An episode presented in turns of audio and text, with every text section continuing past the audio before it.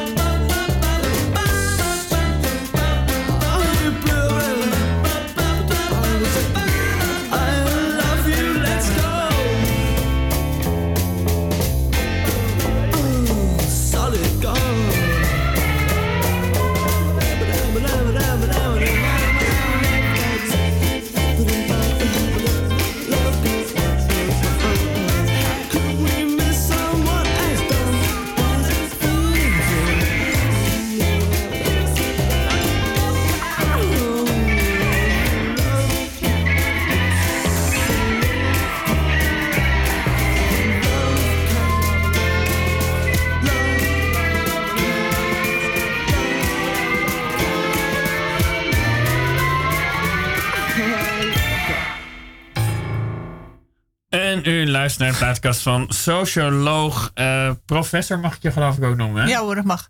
In, België, in België zegt iedereen ook professor tegen me. Ik ben daar net een week begonnen. Dat is enorm wennen dat iedereen je ook aanspreekt als professor. Maar ik geloof dat je om echt professor te zijn ook uh, een, gewoon een soort boek geschreven moet hebben. Dan ga ik nou even voor, ja, nee, voor, voor, doctor en zo moet je boeken. En voor professor nog. Hoe zit het ook weer? Nou, nee, dat is, dat is in uh, Duitsland moet je echt nog een boek. In uh, Nederland en ook in België moet je voor echt professor moet je, nou ja, eerst een boek en dan nog een heleboel dingen. Ah, oké. Okay. Het mag van alles zijn, maar veel. In ieder geval heb je flink doorgegaan. Ja, dat wel. Nee, want je ja. bent heel kort geleden nog maar. Want ik dacht even, het, het lukt er niet in mijn programma omdat ze in Leuven zit. Mm -hmm. uh, want dat is nog maar heel kort. Ja. Uh, maar toen zei je, nee, ik kom ook nog wel eens in Nederland. Want ik laat mensen niet overkomen. Ik uh, woon gewoon nog in Nederland hoor. Uh, en ook in Amsterdam zelf? In Utrecht. Oh, oké. Okay. Ja. maar dus heel kort in Leuven gaan werken. Ja, sinds vorige week werk ik in Leuven. Dus het is echt, ik ben er nog maar één keer geweest. Dus ik, oh. dus ik, met wat voor opdracht zit je in Leuven? Dat... Ja, het fijne aan die baan in Leuven is dat ik eigenlijk alles mag doen wat ik wil. Ja. Uh, en ja, dat bestaat eigenlijk in Nederland niet meer, zo'n functie. Dus ik ben onderzoekshoogleraar. Dus ik ben, uh, heb gesolliciteerd met een plan.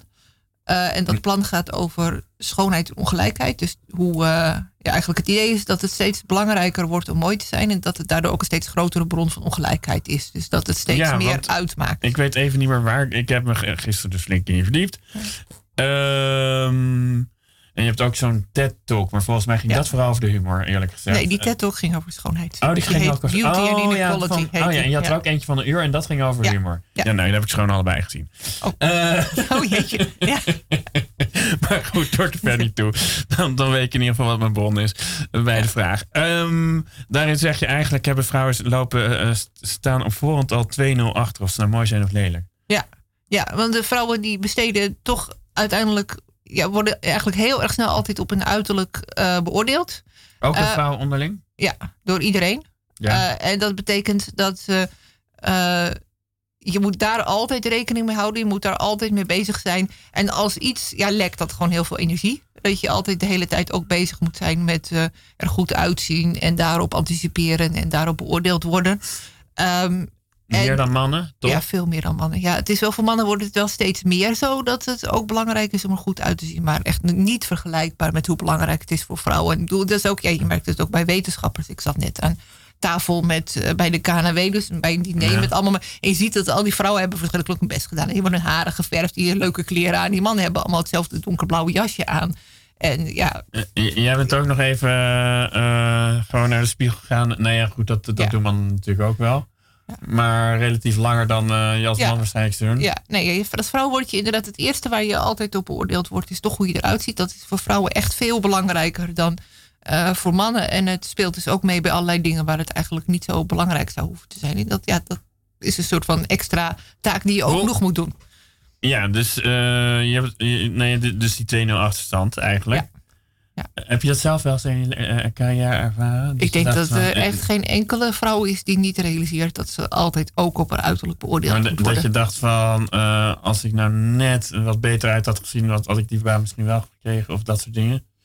Ja, dat of, weet je niet zo. Ja, dat is heel moeilijk. Om te, ja, zo precies weet je het natuurlijk niet. Het is wel natuurlijk heel vaak zo dat als ik inderdaad ergens een baan moet krijgen of eens geld binnen moet halen, dat ik altijd als vrouw tegen een heleboel, tegenover een heleboel mannen sta. Maar ja, als hoogleraar als vrouwelijke hoogleraar ben je altijd ben je heel vaak de enige vrouw in de zaal. Ja. Maar ik merk het bijvoorbeeld ook, en dat daar ben ik, vind, vind ik eigenlijk schokkender, ja. dat ik het bijvoorbeeld ook, je krijgt bij, bij studenten, als je onderwijs geeft, bij studenten vullen studenten evaluatieformulieren ja. in. Oh, ja. En daar zit inderdaad bij vrouwelijke docenten zitten ontzettend vaak opmerkingen over kleding of over uiterlijk. En, en dan moet je bedenken dat het grootste deel van de studenten in onze collegezaal zijn vrouwen. Dus die studenten zitten ook allemaal in de zaal. Zitten ook te denken, nou, leuk jurkje, uh, haar had beter gekund. Ja. Dus die studenten denken Vind, dat vind ook. je het compleet onrecht? Ik bedoel, dat het een verschil is tussen mannen en vrouwen. eh, vind ik, is natuurlijk per definitie eh, op die manier geformuleerd onrechtvaardig. Maar dat je een beetje op uiterlijk mag letten.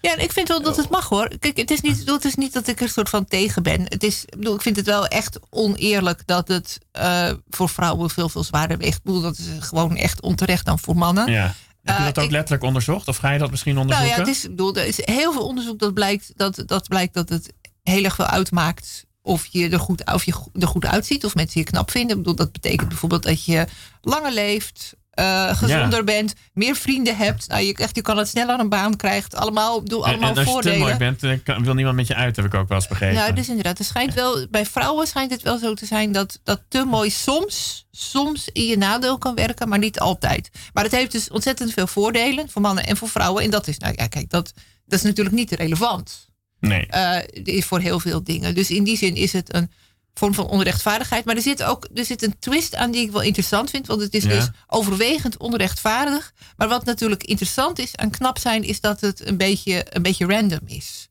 Dus eh, het is ook weer mooi, wordt een soort van eh, ja, losjes door de, door de mensheid heen ge- gestrooid. Ja, ik weet wel. En, eh, natuurlijk, ja. in, in de 19e eeuw was aanmerkelijk wat meer kilo's werd als mooier vaas. Ja, nee, ja, zo bedoel ik niet. hè. Wat Oh. ik meer bedoel is dat het gewoon, het is in zekere zin is het ook toeval. Terwijl Ja. heel veel bronnen van ongelijkheid, die hangen eigenlijk samen met de familie waar je uitkomt. En of je mooi bent, kijk, je kan dus inderdaad uit een hele arme familie komen en per ongeluk mooi zijn. Dus Ja. het, is, het is interessant en wel charmant dat het een soort van element van volledige willekeur is. Dus dat het Wordt het ook niet door heel veel verschillende mensen verschillend ervaren? Ja, en dat is dus het andere probleem. En dat is wat ik in mijn onderzoek laat zien. Dus dat het niet alleen zo is dat dat mooier eh, dus iets oplevert, maar ook dat verschillende mensen andere dingen mooi vinden. Ja. En dat, dat dus mensen die rijker zijn en beter opgeleid en stedelijk, dat die bepaalde dingen mooi vinden. Eh, en dat de schoonheidsidealen van andere groepen dus ook minder zwaar wegen. Ja, dus je en- kan en het inderdaad ik, ik allemaal... neem ja. aan, eh, met mijn beste vrienden heb ik natuurlijk ook net iets ander eh vrouw schoon dat ik mooi vind.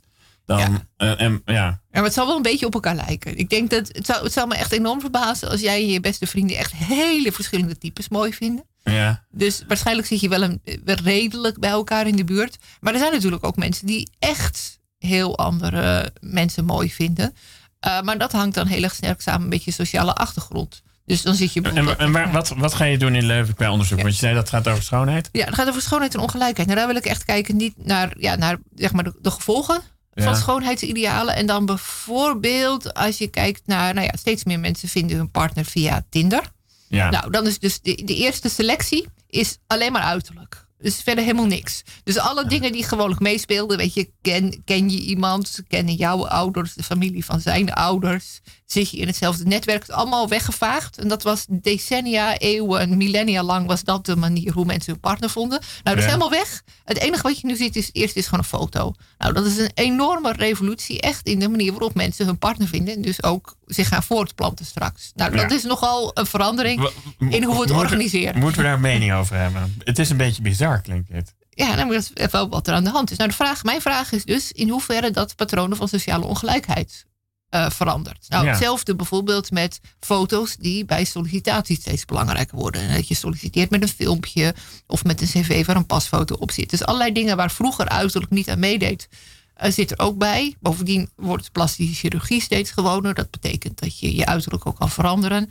Eh, maar dat is niet voor iedereen even toegankelijk. Dus dat betekent dat rijkere mensen er waarschijnlijk makkelijker bij kunnen. En dus hun kansen nog vergroten. Omdat ze hun tanden recht kunnen zetten en een kromme neus en zulke soort dingen.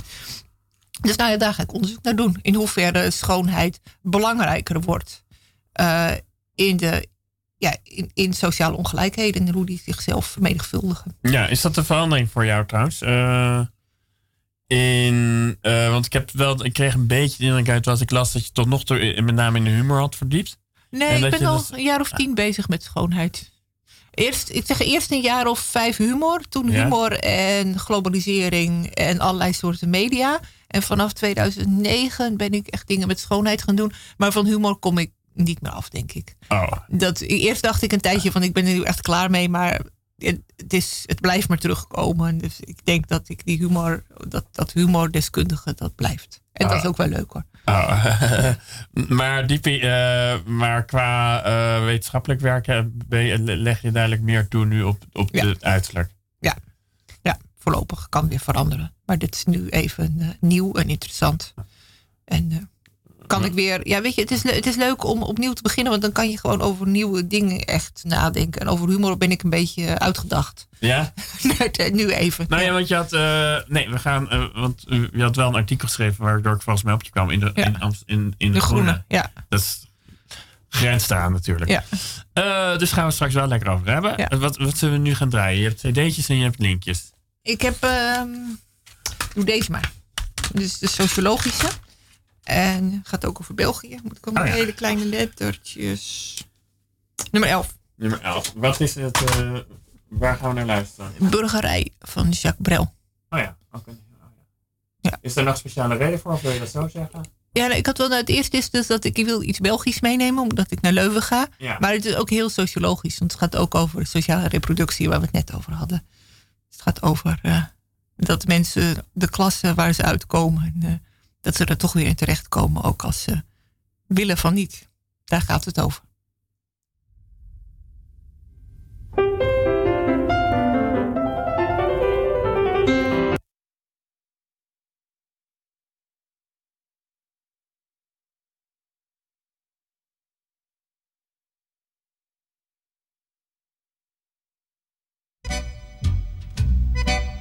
Dronken, dal en dwaas beet ik in mijn bier bij de dikke Siaan uit Montferland. Ik dronk een glas met Klaas, ik dronk een glas met bier en sprong er aardig uit de ban.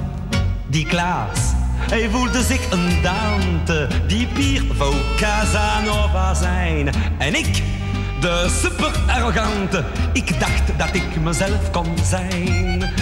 En om twaalf uur, als de burgertroep uitging uit hotel De Goud Verzand, dan scholden wij ze poep en zongen wij vol vuur pet in de hand.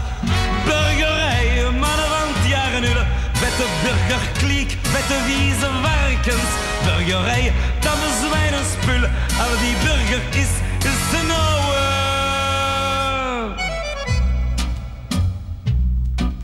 Dronken, dol en dwaas beet ik in mijn bier bij de dikke Sjaan uit Montferland. Ik dronk een vat met Klaas, ik dronk een vust met bier en sprong er heftig uit de band. Klaas Dante danste als mijn tante en Casanova was te bang. Maar ik, de super arrogante, ik was zelfs voor mezelf niet bang. En om twaalf uur, als de burgertroep uitging uit Hotel de Goud Verzand, dan scholden wij zo poep en zongen wij vol vuur pet in de hand.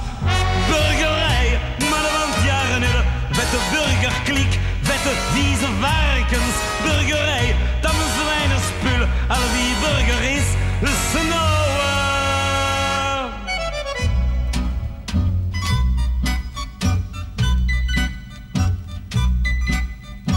Elk instinct, de baas, bezoek ik mijn vertier s'avonds in Hotel de Goud Verzand.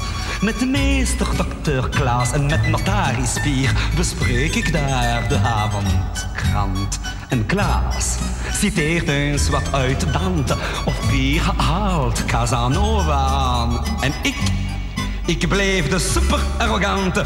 Ik haal nog steeds mijn eigen woorden aan.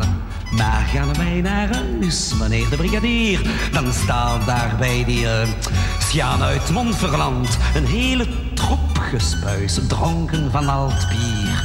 Dat zingt dan van burgerijen, een mannen van het jaar nul, vette burgerkliek, vette wieze werken. Ja, meneer de brigadier, dat zingen ze. Burgerijen, tamme zwijnenspul. Al wie burger is, is een oude...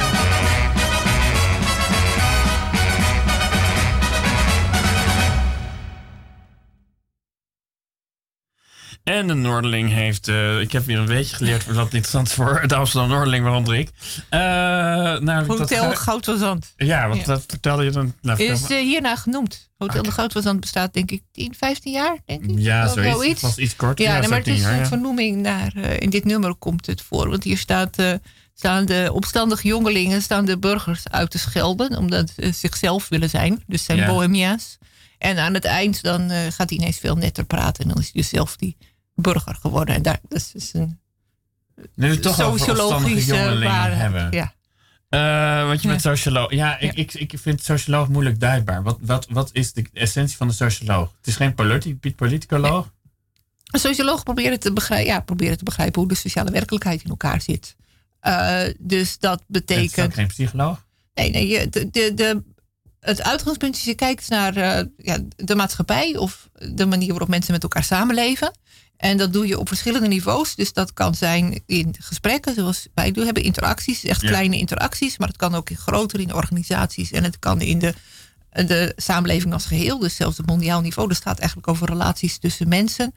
Hoe die gevormd worden, maar ook hoe die eigenlijk duurzaam worden. Dus hoe die blijven, dat instituties, de sociale relaties kunnen blijven bestaan. En rollen ook als mensen er zelf niet meer zijn. Dus bijvoorbeeld een school of een bedrijf. Of bijvoorbeeld de Universiteit van Amsterdam. Die gaat rustig door als ik er niet meer bij ben. En ook als ik dood ben, is de Universiteit van Amsterdam er nog steeds. Dus die relaties die gaan ook voorbij. Mensen blijven die bestaan. Maar die verandert dan wel, dat is dan ook een soort sociologisch proces. Ja, nee, dat er nu vrouwen op zitten, terwijl dat honderd jaar geleden niet waren. Precies, ja, nou, maar dat is natuurlijk, kijk, alle sociale, alle sociale structuren veranderen. Altijd. Ze zijn nooit helemaal hetzelfde. Dus dat is, en dat is wat sociologen onderzoeken. En ik kijk dan naar zeg maar dingen zoals wat je mensen mooi vinden of wat mensen grappig vinden. En het interessante daarin is dat het dingen zijn die voelen heel echt. Dus die voelen echt heel erg alsof het bij jou hoort. Dus je lacht omdat je iets grappig vindt of voor je erover nagedacht. Of je weet wat je mooi vindt. Dat voel je echt in je buik. Dus heel diep. En tegelijkertijd weten we dat het iets dat je, is dat je geleerd hebt. Uh, en dat hoort bij niet alleen de samenleving, maar ook je specifieke rol in die samenleving, en je persoonlijke geschiedenis. Dus heel veel dingen die bij mensen die voelen alsof ze natuurlijk zijn, dat is eigenlijk is dat het resultaat van sociale processen. Kleine sociale processen, interacties, maar ook hele lange. Maar betekent dus ook dat we iets minder individu zijn dan dat we af en toe zouden willen? Oh, we zijn helemaal geen individu. Oh. Dat is toch, maar daar gaat dat liedje gaat erover. Daar vind ik dat hij, die zanger, die denkt dat hij zichzelf kan zijn. Ja. En dat is, uh, ja, dat kan ook wel, maar binnen een hele specifieke marges. Maar alleen al de wens om jezelf te willen zijn is heel uh, ja, westers en 20ste en 21ste eeuw. Is, is het inderdaad ook, uh, want ik heb wel het idee dat je met name, en corrigeer natuurlijk meteen als ik het fout heb, in de westerse samenleving verdiept. Nee, hoeft niet. Ik doe nu, ja, dat is het volgende. Ik doe nu bijvoorbeeld ook onderzoek in Hongkong. Oh, oh en ik werk ook samen met, uh, met Chinezen. Nee hoor, vroeger, vroeger was er echt een arbeidsverdeling. En deden uh, de sociologen deden de westerse wereld. En de antropologen deden de primitieve of de niet-westerse. Ik heb... Dat klinkt heel fout. Ja, nee, dat was precies. Maar dat, is, maar dat is eigenlijk een beetje opgegeven. En sindsdien kan eigenlijk, weet je, niemand kan meer een reden bedenken. Het is natuurlijk een heel ouderwets onderscheid. Ja. Tussen de westerse wereld en de niet-westerse wereld. Dus dat ja, het zijn allemaal ik mensen. wel te denken, we zijn de afgelopen 50 jaar met z'n allen mondiaal gezien wel meer een eenheidsworst geworden. Nou ja en nee. Ik bedoel, het is aan de ene kant zijn er inderdaad, kan ik overal ter wereld naar plekken gaan waar ik mensen vind die heel erg op mij lijken. Ja, en een Kalverstraat achter straat kan je in iedere grote stad vinden. Ja, maar tegelijkertijd is het zo dat op, je op de Kalverstraat kan je de hele wereld tegenkomen. En dat is ook veranderd. Dus eigenlijk, ik bedoel, het betekent eigenlijk dat een heleboel van de diversiteit die heel erg samenhing met een plek. Ja. Dus op een bepaalde plek was iedereen ongeveer hetzelfde. Dan ging je naar een andere plek en dan was iedereen ook ongeveer hetzelfde. Maar, nu, is het veel meer, maar nu is het veel meer gemixt. Maar het is helemaal niet zo dat alles hetzelfde is. Het is alleen zo dat de verschillen binnen, binnen landen en op plekken zijn heel erg toegenomen. En de verschillen tussen plekken zijn afgenomen. Maar de verschillen zijn veel groter, behoorlijk ja? groter. Ja. Zijn, zijn uh, nou, je, bent, je bent ook weer geen historicus natuurlijk. Uh, Maar uh,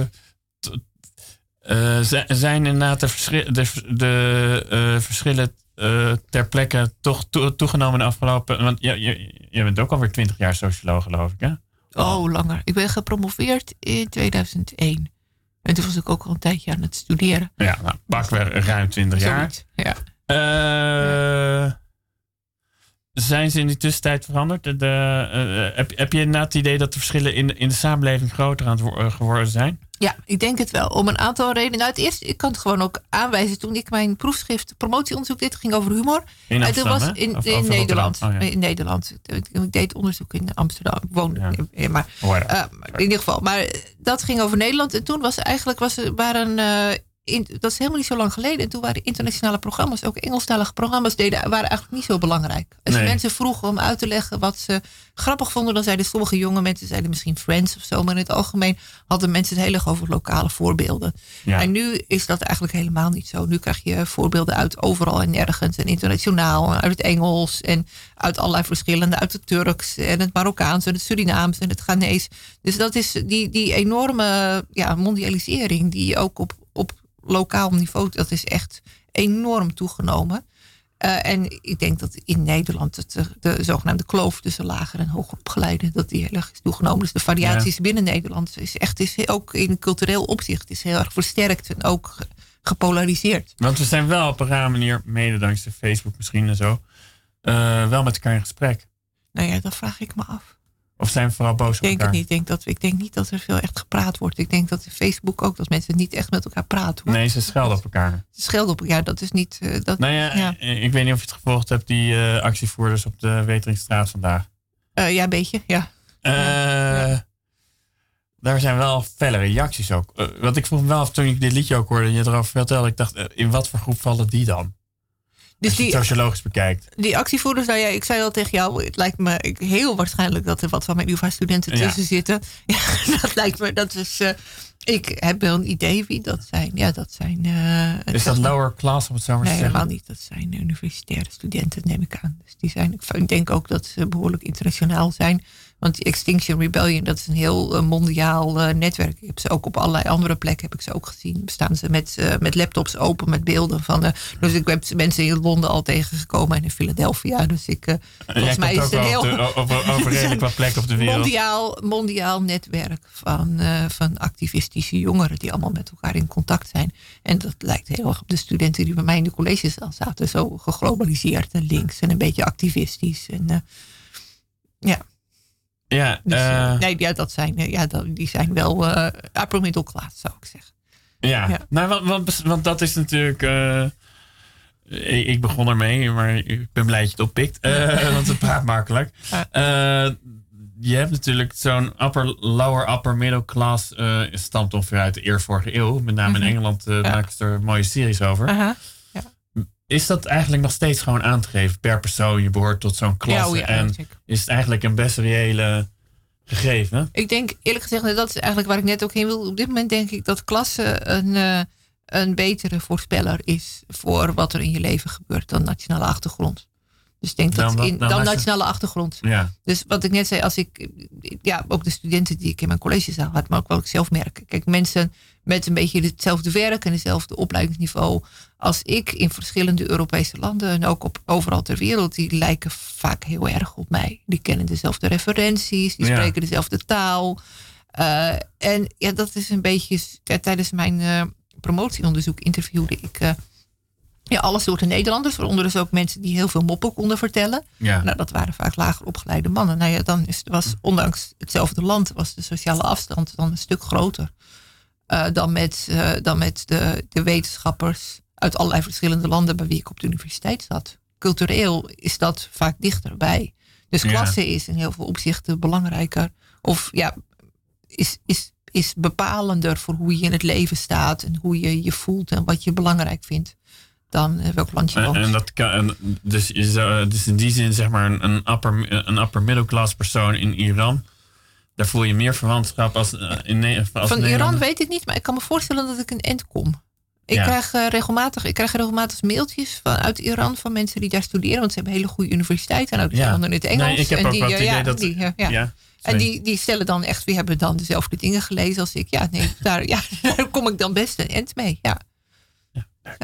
En nee, ik, ik, zeg, ik fluister leuk, maar ik kan mezelf de vraag, is het eigenlijk wel leuk? Maar goed, ik, Ja, ja, het is niet, eh, ja. We- we gaan weer muziek draaien en gaan Ja. we nakijken of we dat leuk We vinden. doen Hongkong. 15. Oh, nummer 15. Ja. En waarom dat nummer? Omdat het over Amsterdam gaat. Oh, eh, Het is heet ook? Amsterdam. Ja, het is, van, ik zal het, wel, het is geschreven door een Hongkonger die het grootste deel van de tijd in Amsterdam woont. Ja. Die is een vriend van me en die heet Yu Fai Chao. Spreek je ook een beetje Chinees? Nee, helemaal niet. Het is veel te moeilijk, joh. dus, eh, en de artiest heet Anthony Wong. Ja. En het is, eh, nou, ik zal luisteren, maar het is, is kantopop. Wat zeg je? Kantopop heet het. Dus Kantonese popmuziek uit Hongkong. En ik wil het sowieso heel graag over Hongkong hebben. Want er gebeurt nu van alles. En daar heb ik onderzoek gedaan.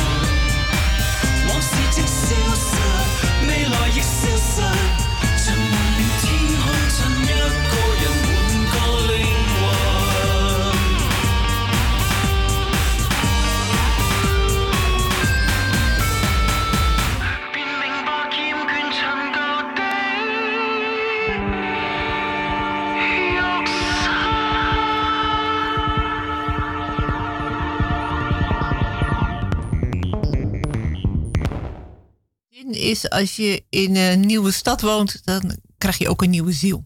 Oh. Dat zegt hij. En als je een nieuwe in het? Kantonees. Ja, ik denk het ook. Oké, Ja. dus jij bent, lang, jij bent nu deze week een nieuwe ziel aan het Ja, dat hoop ik. Ja, dat is een mooi idee. Nee, nog niet. Ik wilde het heel graag draaien, omdat Ja. ik eh, Over Hongkong wilde over. Hongkong wilde praten. Ja, nee, Ja. Het, is, het, is, dus, het nummer heet Amsterdam en is van, gezongen door Anthony Wong. En Ja. de tekst is geschreven door een vriend van mij. En dat is een Hongkongse wetenschapper en ook tekstschrijver. Eh, die deels hier in Amsterdam woont. Eh, en ik werk met hem samen omdat ik schoonheid onderzoek in M, Wat is de schoonheid van Hongkong? nou, is ja, anders. Wel, zo, we vinden ook andere verschillen. En maar een van de dingen die we vonden, we, we waren er begin van het jaar, was ik onderzoek aan doen. We laten mensen kaartjes beoordelen. En een van de dingen die er heel erg uitkwamen, is dat mensen een heel groot onderscheid maakten tussen mensen die ze Hongkongees uit vonden zien. En die Ja. waren modern en goed verzorgd en stijlvol. En mensen die ze eruit vonden zien als mainlander. En dan bedoelen ze dus iemand Chinees. uit Chinees. Ja, echt dus, zeg maar China-Chinezen. Dus er zat toen al heel erg in dat dat is zeg maar elke, ja, de, de grootste grens in elke samenleving. Ja. Die komt er eigenlijk uit als je mensen naar hun standaarden vraagt. En in Hongkong, Hongkong is dat dus de Hongkongers en de, de Chinezen. Want ze zijn toch in 97 of zo, toch? Van de Britten. Ja, van de Britten Lons. En eh, ja, ze zijn nu, ja, het is allemaal nu heel dramatisch. Je krijgt dus allemaal heel eh onthutste, paniekerige eh berichten. Ja, ze zijn echt heel. Ik zit ook in allemaal appgroepen met mensen. Ja. Ze, zijn echt, ze zijn echt heel erg bezorgd hoor. Ze delen allemaal filmpjes. En ze waren in het begin allemaal heel optimistisch nog aan het demonstreren met die hele grote demonstraties. Maar ze zijn Ja. nu echt eh, heel erg. Ja, bezorgd. En dat lijkt me ook wel terecht. Ze zijn ook Nee. wanhopig in de zin dat ze ook wel begrijpen dat het niet, eigenlijk niet goed af kan lopen. Ja. Eh, en waar ze bang voor zijn is niet alleen Peking-toestanden, dus het plein van de hemelse vrede-toestanden, maar ze zijn Ja, ook voor de bang mensen voor. die 89 niet hebben meegemaakt. Ja, Toen is er een, een, een- toen zijn er tanks over een heleboel studenten heen gereden. Ja. En niemand weet precies hoeveel studenten er zijn overleden, maar er zijn wel een heleboel verdwenen. Waar de mensen in Hongkong zich bang voor, eh, voor zich zorgen maken, zijn, zijn niet alleen Peking-toestanden, maar ook eh, Xinjiang-toestanden. Dus wat er nu zin in Xinjiang met die, met die Oeigoeren. Dus eh, dat eigenlijk eh, heel veel surveillance op straat en dat er mensen naar heropvoedingskampen worden gestuurd. Dus mensen zijn echt, zijn echt heel bang. Nee, en dan- ja, dat iedere vorm van vrijheid als het daar verdwijnt. Ja, daar zijn ze. En nu is Hongkong een hele. Ja, het is dus echt wild kapitalisme. Dus het is met Ja. hele grote verschillen tussen arm en rijk. Maar er is wel heel veel vrijdom, vrijheid. En ze hebben, nou, dat hoor je ook, een hele eigen muziekcultuur en een filmcultuur. En het is, ja, het is wel een hele. Want ik kreeg de indruk toen, toen, ik vond het eh, natuurlijk in 97 wel een interessant gegeven, Mhm. eh, dat ze nog een soort autonomie zouden behouden. En ik heb het, Tot de 40 jaar was beloofd. Ja. Was one country, two systems was de belofte. ja, Tot in eh 37 37 is dus, dat. ja, dus dat is nee, nog dat is. 17 jaar. Dus, eh, ja, daar zijn ze een beetje van teruggekomen. En eh, het, is, ja, het wordt nou wel een beetje grimmig. En ik vind, ja, Hongkong is een hele. Ja, juist omdat het zo raar, wild, kapitalistisch is, heeft het een soort van energie. Het, lijkt een beetje op New York in dat opzicht. Ook Ja, zo'n heel energiek en wild en druk en alles kan en alles is mogelijk. En eh, wordt dat de kop ingedrukt. ja, dat is een beetje rommelig natuurlijk en chaotisch. Is de huidige samenleving eh, relatief banger voor verandering dan dat ze dat 10 of 15 jaar geleden waren? Ja, nou, nu moet- het ligt er een beetje aan waar we het over hebben. Eh, Ik vind dit ook weer een soort angst voor verandering, maar dan vanuit China. Maar misschien is dat in, heel China is, in China is het wel, denk ik, wel een heel ander geval dan in. Ik denk dat in Europa dat de angst voor verandering heel groot is. Dat heeft iets te maken met dat we waarschijnlijk veel meer. Ja, we hebben gewoon veel te verliezen Ja. en weinig te winnen. Ja, we komen gewoon, we zitten gewoon op een hele goede plek. En ja, de kans dat het groter, dat het slechter wordt, is groter dan de beter. Het is ook natuurlijk dat we een vergrijzende samenleving zijn. En daar word je Ja. natuurlijk, ja, daar wordt de boel niet dynamischer van. Dat zie je ook wel. Dat, ja, de, de jongeren zijn in de, in de minderheid. Verandert dat het ook het schoonheidsideaal ook trouwens? Ja, weet ik niet. Ik kan me voorstellen dat dat wel uitmaakt, inderdaad. Dat het eh, minder. Er was natuurlijk een tijd lang enorme verheerlijking van hele, hele, hele jonge mensen. Ja, en nu, zeggen, nu hoort bij iedere tienergroep, dus het nieuwe 20 is Ja. jaar, de, een nieuwe 30 is Ja. jaar 20, of wat is het? Ja, dus al die 50 dingen. is nieuwe 40. Ja, 40, Ja. zulke soort dingen. Ja. Ja, nou die, dat enorme cultiveren van dat, die, echt dat, dat prepuberale is inderdaad in de mode-industrie is dat een beetje weg. Ja. Dus die enorme cultus van eh, meisjes en jongens die er echt uitzien alsof ze, alsof ze 13 zijn en ook geen heupen mogen hebben en zulke soort dingen, dat gaat weer een beetje over. Maar eh, het, is moeilijk, het is moeilijk te voorspellen. Dat, dat hele. Is, ja. is inderdaad in die zin eh, de sociologie eigenlijk een heel grillig vakgebied, omdat het zo misschien nog moeilijker dan geschiedenis te voorspellen is. Nou, geschiedenis hoef je gelukkig niet te Nee, voorspellen. maar geschiedenis kan je wel een soort Ja. tendensen waarnemen en dan kijken of het elders ook plaats heeft Nee, nee, dat- kijk, dat kan natuurlijk, dat kan je natuurlijk in de sociologie ook. Kijk, van sommige dingen weten we, kan je heel goed over de lange termijn voorspellen. Kijk, je kan gewoon best goed voorspellen dat ongelijkheid, weet je, toeneemt en dat dat voorlopig zo doorgaat. Bedoel, dat kan je.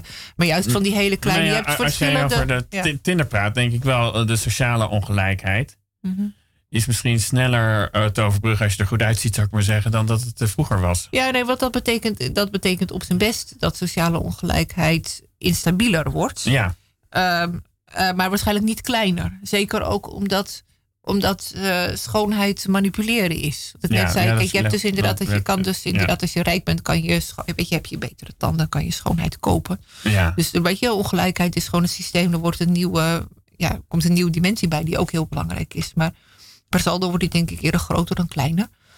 Eh, en dat gaat nog wel even door. Van sommige dingen kan je wel zeggen dat, eh, dat er hele lange termijn ontwikkelingen zijn die niet zo snel veranderen. Maar van andere is moeilijker. En mode is natuurlijk, ja, Ben, ben, jij, ben jij als socioloog, als mens socioloog, eh, ook eigenlijk wel op zoek naar onrechtvaardigheid of rechtvaardigheid? Of zit er bij jou eigenlijk puur een observant?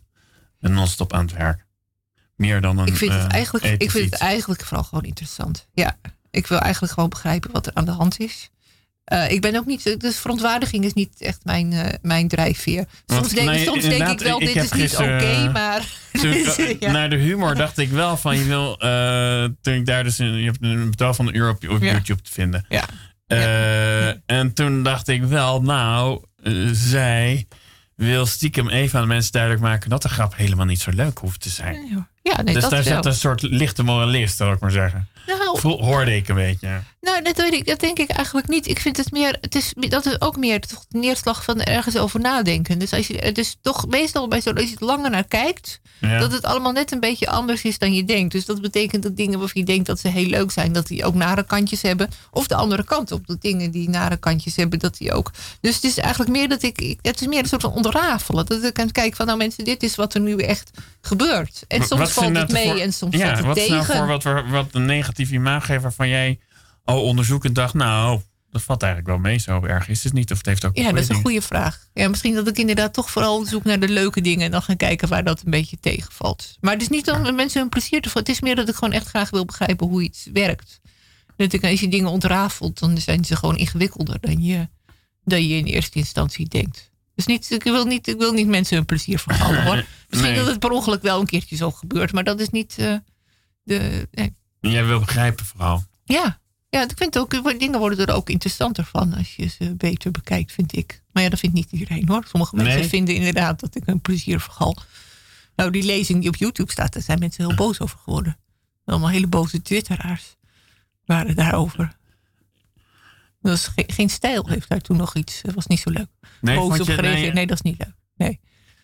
Dus, Nee, eh, nee, eh, eh, je, je kan ook denken, het, het, het, het leeft blijkbaar. Ik bedoel, het raakt mensen wel. Dus daarmee is je onderzoek ook, een, ik bedoel ook inderdaad uiterlijk. Ja. Lijkt me wel een onderwerp. Het is wat anders dan als je, nou ja, Ja. voor wetenschapper is het een best publiek interessant onderwerp natuurlijk. Ja, nee, dat is wel. Ja, maar het was nooit de bedoeling geweest, hoor. Het, was dat, het, is, niet dat ik, het is niet dat ik dacht Ja, van ik ga iets uitzoeken. Nee, nee, het is. Ja, nee, dat volgens mij niet. Nee, het is meer dat ik gewoon dingen. Ik wil gewoon Nee, dingen Maar, uitzoeken want je die hebt je ook bijvoorbeeld verdiept in de fietsen. Ja, ja, Die zag ik ook. ja, ja. Die moeten we zeker nu in Amsterdam, eh, in Amsterdam moeten we dat ook nog even bijpakken. Want dat is Ja. wel 2003 of zo, toch heel lang geleden. Eh, nee, eh, nee, 2010. Oh, 2010. Oh, relatief Nee, dat kort is, geleden. eh, ja, dat was mijn oratie. Ik wilde, nou, eigenlijk wat ik, wat ik wilde uitzoeken is hoe komt het dat dingen anders zijn aan de andere kant van de grens. Ja. Dat wilde ik uitzoeken. Ja. En dan is een fiets is een heel interessant voorbeeld, omdat dat echt iets wat ophoudt aan de andere kant van de Nederlandse grens. En er is niet een soort van wet of regel, of dat de overheid tegen de Belgen zegt: jullie mogen niet fietsen Ja. of zo. Maar de vraag is dus hoe dat komt. In Leuven wel. Want, Ah. Maar in België is het, hoort het alleen bij studentensteden. Dus zijn het alleen Leuven en Gent. Dus zijn het echt studenten en daarna houdt iedereen ermee op. Ja. En in Nederland fietst, ja, wat ik zeg, fietst iedereen. Iedereen fietst. Dat hoeven we hier niet uit te leggen. Nee, dat weet, zien we. precies. Dat weet iedereen. Nou, hoe komt dat?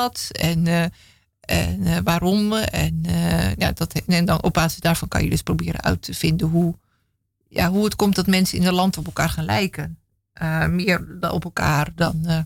maar ook dat het minder wordt. En dat je nu, als je naar buiten kijkt, dat fietsen in plaats van gewoon fietsen, dat mensen steeds meer zeg maar, eh, fietsen op de manier die hoort bij een groep. Want daar ging dat eigenlijk Oh, over. Dat ja. tegenwoordig dat weet je bakfietsmensen en je hebt Ja, fixies.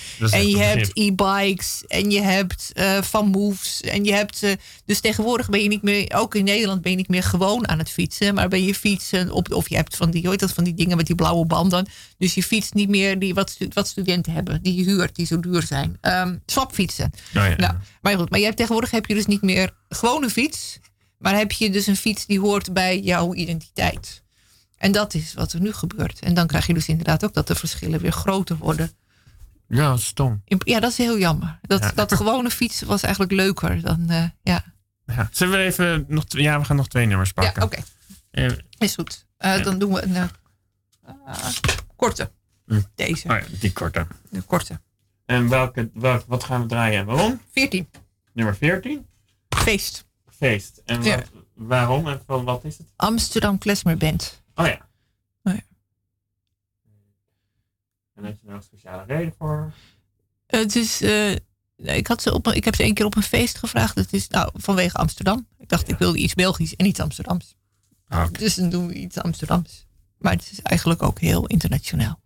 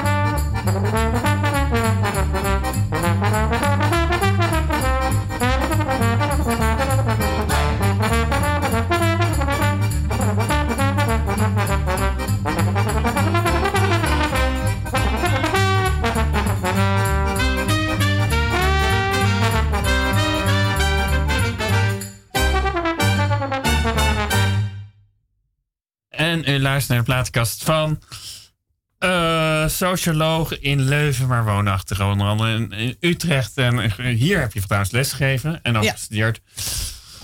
Ehm eh Giselinde Kuipers. En we zijn net eigenlijk dat deze muziek wel sociaal klasoverstijgend dit is was. muziek die, eh, ja, dus Amsterdam Klezmer Band wilde ik vanwege Amsterdam en ook vanwege dat ik ze voor het eerst gezien had in het Vondelpark. Maar dit is muziek die, waar je iedereen mee raakt en die ook inderdaad niet echt bij een klasse of bij een bepaalde groep hoort. En het is ook echt inderdaad aanstekelijke feestmuziek. Voor iedereen. Dus er is hoop. Ja hoor, er is altijd hoop. Of is het ook wel goed dat we een beetje met z'n allen in verschillende groepen zitten? Ja, kijk, je, het is ook, kijk, je moet het, als je het omkeert. Kijk, het zou heel erg zijn als iedereen hetzelfde is. Ja. Dat is een beetje. Kijk, het enige, je hoeft niet allemaal hetzelfde te zijn. Het is alleen handig als je je een beetje in elkaar blijft verdiepen. En als het gesprek gaande blijft. En dat mag op een heel minimale manier.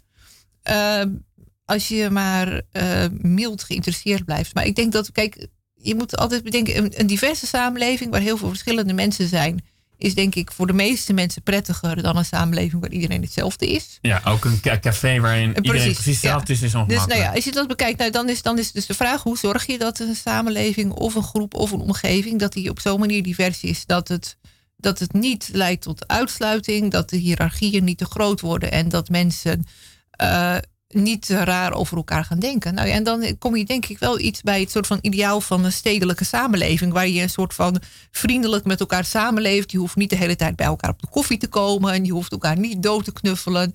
Als je maar een soort van weet wat er met de ander aan de hand is. Dat, is, ja, dat, is, dat kan humor ook doen. Kijk, humor kan mensen scheiden. Maar dat kan mensen ook heel gemakkelijk bij elkaar brengen. En dat is, kijk, het is, alles heeft twee kanten. Op dezelfde manier, schoonheid kan inderdaad, het kan mensen uit elkaar drijven als het heel erg tot ongelijkheid lijkt. Maar je kan ook samen iets hetzelfde mooi vinden. Ineens, dan verbindt het weer. Dus, maar het mag allemaal op doel. Het is beter als mensen divers zijn zonder dat ze tegenover elkaar komen te staan. Dat nou is zo moralistisch. ja, ik hoor ja. een heel klein beetje zeggen. Het mag, uh, de huidige samenleving mag wel iets ja, het is wel. Uh, nou, het hoeft niet vriendelijker, maar ja, meer belangstelling. En niet, ja, niet te snel oordelen. Dat is ook. Is dat trouwens wat een wetenschapper per definitie probeert zo min mogelijk te doen? Ja, ik wel. Ik denk dat daar hele grote verschillen zijn tussen wetenschappers. Maar ik probeer, ik denk in principe, weet je, Eh, iedereen, is, in principe vanuit, eh, is iedereen interessant. Dat is ook zo. Ja. Iedereen is interessant. Ik heb eh, wat dat betreft een geweldig beroep. Ik mag gewoon de hele tijd nadenken over eh, allerlei mensen Ja, die ik en- tegenkom en proberen te begrijpen wat ze drijft. Nou, dat is machtig interessant. En n- nu verdiep je in schoonheid. Humor is dus een beetje. eh, Mhm. Je bent nog steeds, als je je Google zou ik maar zeggen, maar toch Ja, eh, is is naar de er komt, achtergrond ja. verdwenen. Heb je ook al dat je er ver weg in je achterhoofd denkt. Nou, als die schoonheid een beetje weer uitonderzocht is, dan eh, weet ik nog Nee, wel. dan ga ik, ja, ik denk dat ik dan weer terug ga toch naar humor. Oh, Want, ja, dat, is toch- helemaal ja, niet nee, want het is, eerder nee, ja, want het blijft van, nou, die, die fiets ga ik denk ik meer mee doen, want dat vind ik interessant. Maar dat blijft toch een beetje zeuren. Want dat stuk in de groene waar het net ook over zei. Ja. Ik vind het heel interessant dat er nou steeds meer inderdaad humor ook in de politiek komt. En het valt, viel me dus heel erg op dat al die, al die populistische politici ook heel veel humor gebruikten. Dat is inderdaad die clowns en dat is zo- zoals Trump en ook Baudet en Hiddema en Johnson en die, die man in Italië, Salvini. Ja. Dat is dat heel opvallend. En dat daar inderdaad dat er dus ook in de publieke sfeer dat humor ook dan nee, eigenlijk een behoorlijk giftige rol kan spelen. Eh, dus de vraag hoe humor in de publieke sfeer is in het openbare debat, hoe dat werkt. Ik denk dat dat eigenlijk, ik denk dat daar nog wel een boek in zit. En bijvoorbeeld ook de relatie tussen humor en ras. ja. Eh, dus etnische, dus daar zit van alles. echt ras. Niet waar- etnische afkomst, maar echt Nee, ras. echt ras. Als, de- als in de Zwarte Piet discussie. En dat het een grapje is. En dat hij zo leuk is en gezellig. Dat is bijvoorbeeld, dat gaat ook over. Ja, Daar dus gaat kort- het oh, ook ik over. hoor het al. Dus eh, toch humor, maar op een andere manier komt, gaat het zo nog Ja. meer politiek bijna. Er wordt erbij. dus humor en politiek wordt denk ik het volgende. Ja. Oké, Nou, brengt ons bij het einde van de uitzending. Waar gaan we mee eindigen? Met Carly Simon, You're So Vain. Want dat is slim en ook grappig. Oké. Niet natuurlijk nadat je je hartelijk hebt bedankt voor je komst. Graag gedaan. En aan te kondigen dat over twee weken de gast is. eh, curator van onder andere NDSM-terrein en allerlei andere dingen. eh Rieke Vos. Allemaal luisteren dus over twee weken naar. Maar nu, welk nummer heet het ook weer? Carly Veen met? Carly Simon, You're So Vain. En nu staat hij al een stukje te ver naar voren. Zet maar ermee. Ja. And all the girls dream that